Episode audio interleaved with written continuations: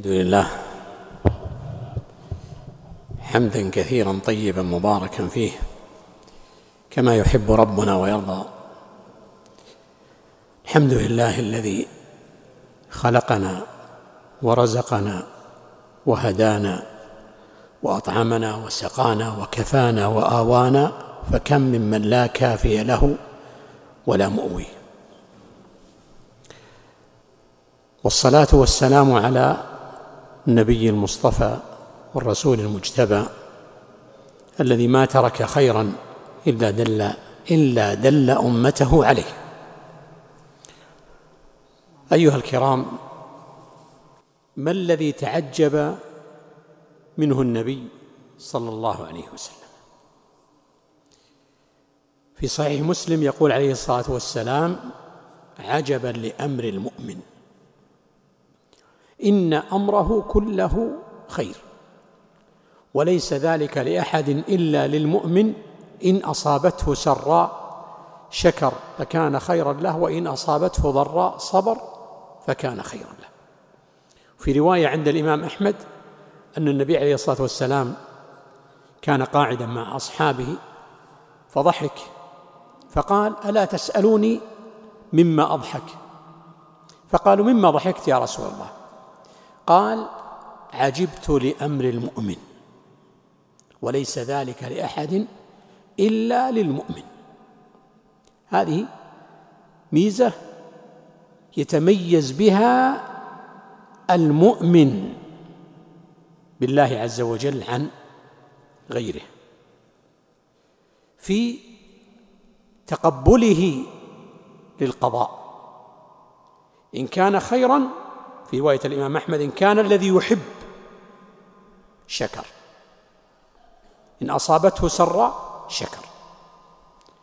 وإن كانت التي يكره وإن أصابته ضراء وهي التي يكره كما في رواية الإمام أحمد صبر فكان خيرا له.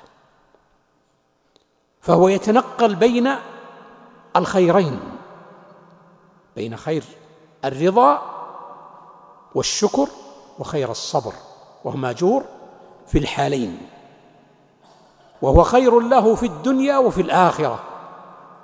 قال قتادة نعم العبد عبد إذا ابتلي صبر وإذا أعطي شكر. قال ابن كثير رحمه الله فالمؤمن من يتفطن لما ابتلاه الله به من السراء والضراء. مر النبي صلى الله عليه وسلم بعائشة وهي تصلي فقال عليك بالكوامل. في رواية قال عليك بجمل الدعاء وجوامعه. الأشياء التي تجمع الدعاء.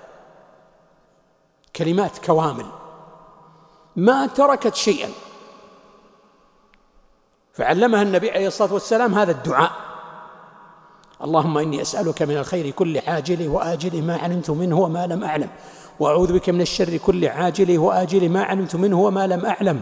اللهم إني أسألك من خير ما سألك منه عبدك ونبيك محمد صلى الله عليه وسلم وأعوذ بك من شر ما استعاذ به عبدك ونبيك محمد صلى الله عليه وسلم. اللهم إني أسألك الجنة وما قرب إليها من قول وعمل وأعوذ بك من النار وما قرب إليها من قول وعمل. اللهم ما قضيت لي من قضاء فاجعله خيرا لي. اللهم ما قضيت لي من قضاء فاجعله خيرا لي. وفي رواية وأسألك ما قضيت لي من أمر أن تجعل عاقبته رشدا. في رواية وأسألك أن تجعل كل قضاء قضيته لي خيرا. كيف ينظر المؤمن إلى قضاء الله عز وجل؟ ليكون خيرا له. هنا عدة أمور ينبغي التفطن لها عند نزول القضاء. الأولى إحسان الظن بالله عز وجل. قال ذنون المصري الجود بالموجود غاية الجود والبخل بالموجود سوء ظن بالمعبود. سبحانه وتعالى. قال بعض الصالحين استعمل في كل بلية تطرق في كل بلية تطرقك حسن الظن بالله عز وجل في كشفها. فإن ذلك أقرب للفرج. كل ما أحسنت الظن بالله عز وجل كل ما كان الفرج لك أسرع.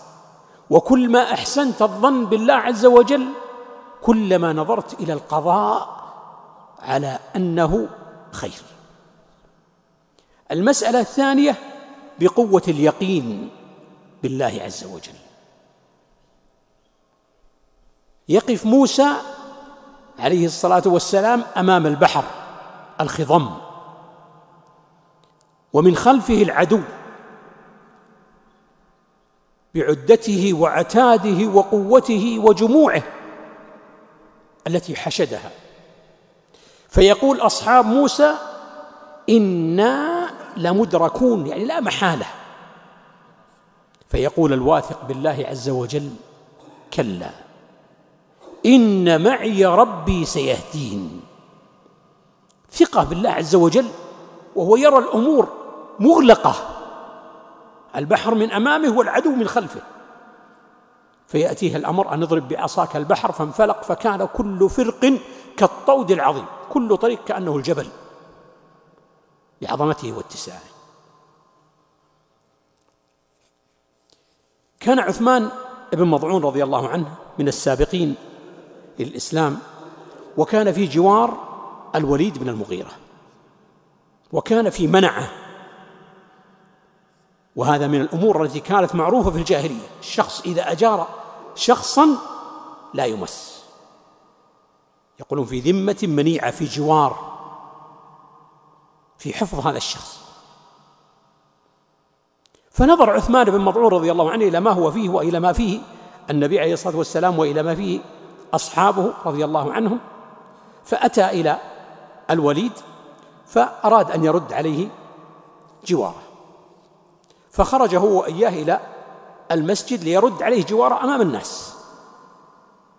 فرد عليه جواره أنه يعني ما رده لضعف وإنما رد الجوار. وكان في مجلس من المجالس حول الكعبة أناس معهم شاعر يقال له لبيد ابن ربيعة. فكان لبيد ينشدهم فقال ألا كل شيء ما خلا الله باطل؟ كل شيء ما عدا الله عز وجل وما أريد به وجهه باطل. هذا شاعر جاهلي. فقال عثمان صدقت. فقال الشاعر وكل نعيم لا محالة زائل. فقال عثمان كذبت. فسكت وسكت القوم. ثم أعاد البيت فقال عثمان في الشطر الأول صدقت. في الشطر الثاني كذبت. قال لماذا؟ قال نعيم الجنة لا يزول. فغضب لبيد. وقال منذ متى كان هذا؟ فيكم. أن يكذب جليسكم. فقام رجل فقال عن عثمان بن مضعون رضي الله عنه لا يغرك هذا هذا سفيه مع سفهاء فارقوا دينهم وجرى بينهم كلام ثم قام هذا الرجل إلى عثمان رضي الله عنه فلطمه فخضر عينه اخضرت عينه من شدة اللطمة. وكان الوليد ينظر إلى ما جرى.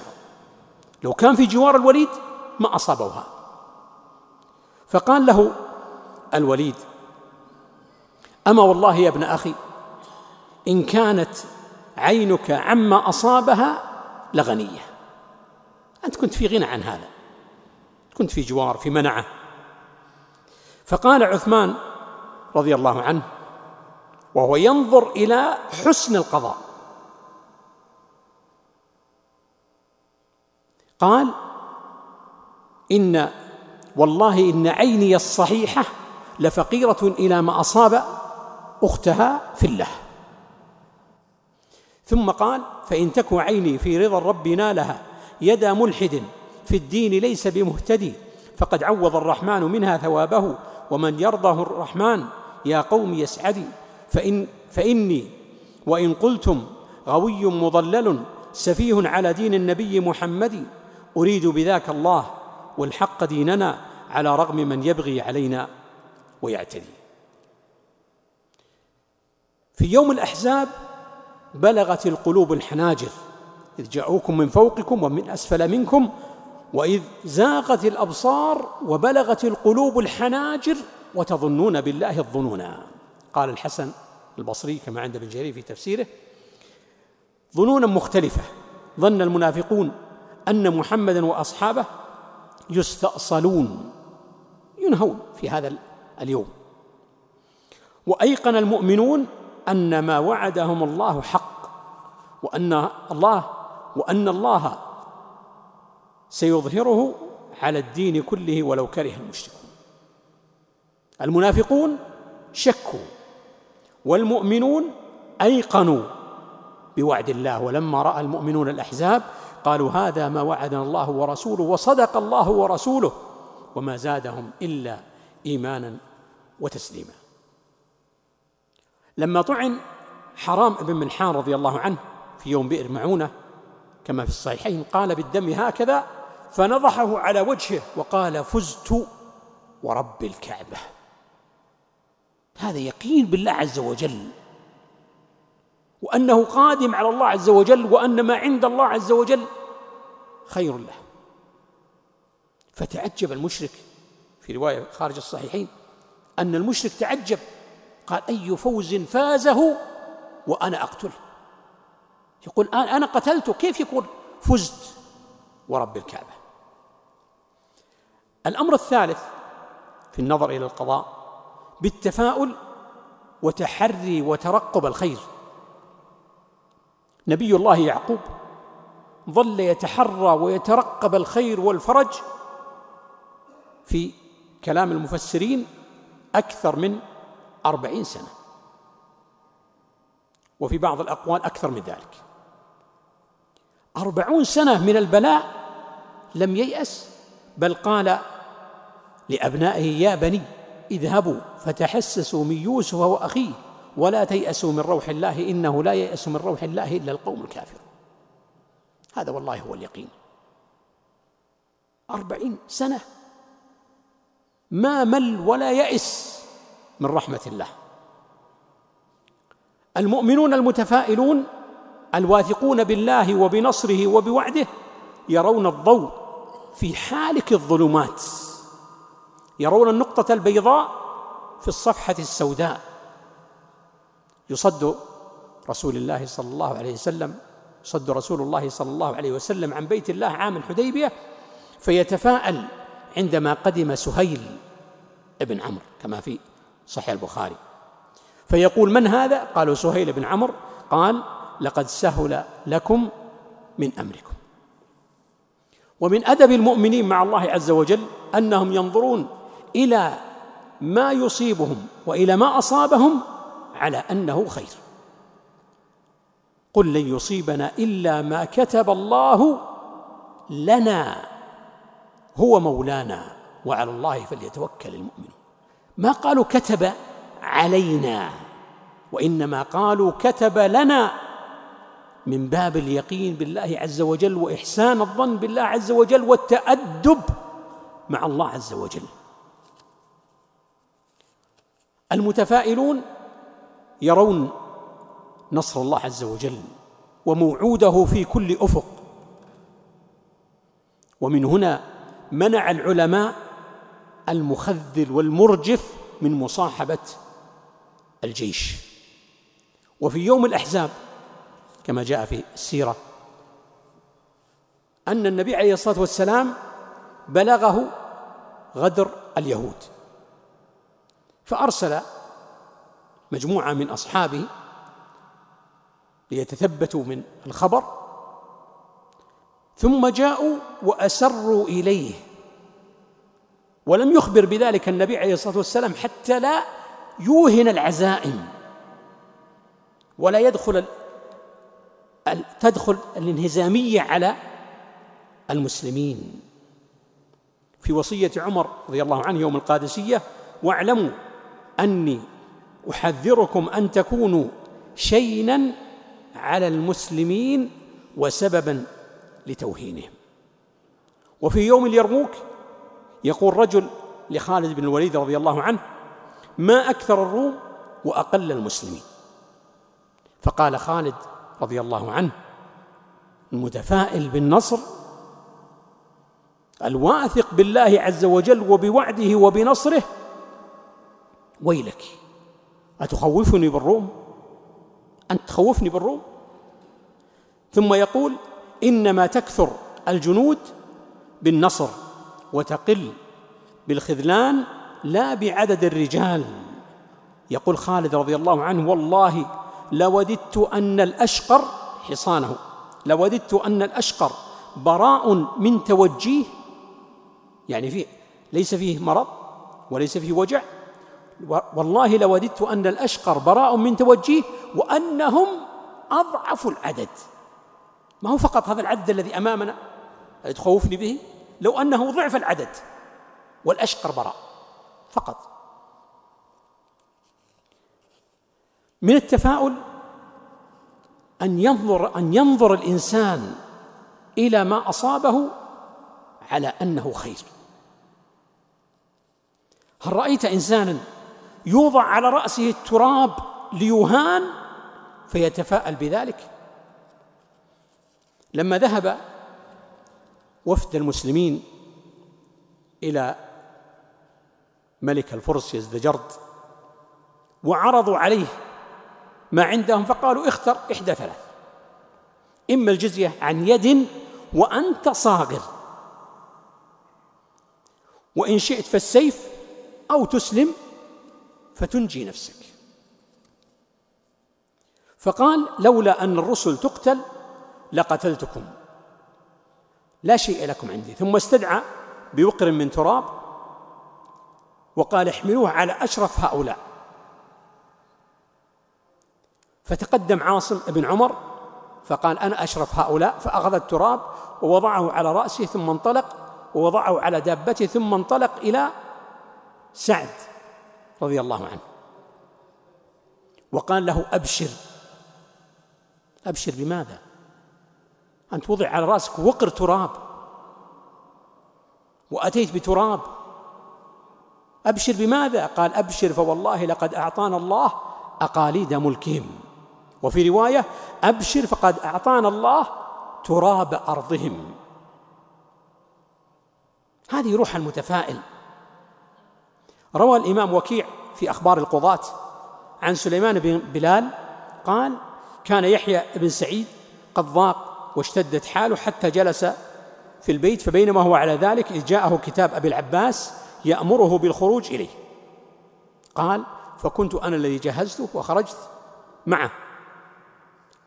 فلما خرجنا كان أول ما لقينا جنازة. قال فتغير وجهي. فقال لعلك تطيرت؟ قلت نعم. يعني أنت تطلب لأمر ويطلبك الأمير ثم أول ما يقابلك جنازة. فقال لا تقل لا تفعل ولا تقل ذلك. فوالله لئن صدقنا الفعل نحن صدقنا في التفاؤل لينعشن الله أمري. فكان كما قال. المسألة الرابعة في النظر إلى القضاء وأن تجعل القضاء خيرا لك بالصبر والشكر. قال شيخ الإسلام ابن تيمية رحمه الله المؤمن إذا كان صبورا شكورا يكون ما يقضى عليه من المصائب خيرا له. وإذا كان آمرا بالمعروف ناهيا عن المنكر مجاهدا في سبيل الله كان ما قدر له من كفر الكفار سببا للخير في حقه. إلى أن قال فيكون ما يقدر من الشر إذا نازعه ودافعه كما أمره الله عز وجل وأمره رسوله صلى الله عليه وسلم سببا لما يحصل له من البر والتقوى وحصول الخير والثواب وارتفاع الدرجات. الخامس بالنظر إلى عواقب الأمور وإلى ما أبقى الله عز وجل لك وإلى ما يعقب هذا القضاء. تأمل في قضاء الله عز وجل لآدم. لما قضى الله عز وجل على آدم وجرى عليه القضاء وأخرج من الجنة. كان حاله بعد الخروج من الجنة أفضل من حاله قبل ذلك. يقول ابن القيم رحمه الله فكم فكم بين حاله يعني آدم؟ وقد قيل له إن لك ألا تجوع فيها ولا تعرى وأنك لا تظمأ فيها ولا تضحى. يعني في الجنة. وبين قوله ثم اجتباه ربه فتاب عليه وهدى. قال فالحال الأولى حال أكل وشرب وتمتع. لا تجوع ولا تعرى ولا تضحى. ما تصيبك الشمس ولا. هذه الحالة الأولى حال تمتع. قال والحال الأخرى حال اجتباء. واصطفاء وهداية فيا بعد ما بينهما. فيا بعد ما بينهما. بين حال آدم وهو في الجنة في حال أكل وشرب وتمتع وبين حاله بعد القضاء في حال اصطفاء واجتباء وهداية. وربما كان القضاء خير من البقاء. ربما كان القضاء خيرا من البقاء. وتأمل في قصة الغلام الذي قتله الخضر في قصة موسى مع الخضر في سورة الكهف. قال رسول الله صلى الله عليه وسلم إن الغلام الذي قتله الخضر طبع كافرا. ولو عاش لأرهق أبويه طغيانا وكفرا كما في الصحيحين. قال ابن القيم رحمه الله في علاج حر المصيبة كما في زاد المعاد ومن علاجها أن ينظر إلى ما أصيب به فيجد ربه قد أبقى عليه مثله أو أفضل منه أو ادخر له إن صبر ورضي ما هو أعظم من فوات تلك المصيبة بأضعاف مضاعفة. الثاني أن يعلم أن الجزع لا يردها. الثالث أن يعلم أن فوات أن فوات ثواب الصبر والتسليم وهو الصلاة والرحمة كما في آية البقرة التي ضمنها الله على الصبر والاسترجاع أعظم من المصيبة في الحقيقة. أن يعلم أنه وإن بلغ به الجزع غايته فآخر أمره إلى صبر الاضطرار وهو محمود لا مثاب عليه. قال علي رضي الله عنه للأشعث إنك إن صبرت إيمانا واحتسابا وإلا سلوت سلو البهائم. يعني ذهبت المصيبة وقعت وذهب الأجر. قال أبو تمام وقال علي في التعازي لأشعث وخاف عليه من بعض تلك المآثم أتصبر للبلوى عزاء وحسبة فتؤجر أو تسلو سلو البهائم. أن يعلم أن مرارة الدنيا هي بعينها حلاوة الآخرة. يقلبها الله سبحانه وتعالى كذلك. يقول أن يعلم أن أنفع الأدعية له موافقة ربه وإلهه وإلهه فيما أحبه ورضي له. قال أبو الدرداء رضي الله عنه إن الله إذا قضى قضاء أحب أن يرضى به. أن يعلم أن الذي ابتلاه بها بهذه المصيبة أحكم الحاكمين وأرحم الراحمين وأنه سبحانه وتعالى لم يرسل البلاء ليهلكه ولا ليعذبه به ولا ليجتاحه وإنما افتقده به ليمتحن صبره ورضاه عنه. يقول في نهاية الكلام والكلام طويل يرجع إليه في زاد المعاد والمقصود أن المصيبة كير العبد الذي يسبك به حاصلة فإما أن يخرج ذهبا أحمر وإما أن يخرج خبثا كله. انتهى كلامه رحمه الله. ومن صدق في محبة الله عز وجل هذا ختام الكلام. ومن صبر في من صدق في محبة الله عز وجل أحب الله عز وجل وأحب كل ما يأتي من الله عز وجل. اللهم إنا نسألك الرضا بعد القضاء. اللهم ما قضيت لنا من قضاء فاجعله خيرا لنا. اللهم اشف مرضانا وعاف مبتلانا وارحم موتانا. جزاكم الله خير الجزاء وأحسن الله إليكم والله أعلم. وصلى الله وسلم على نبينا محمد.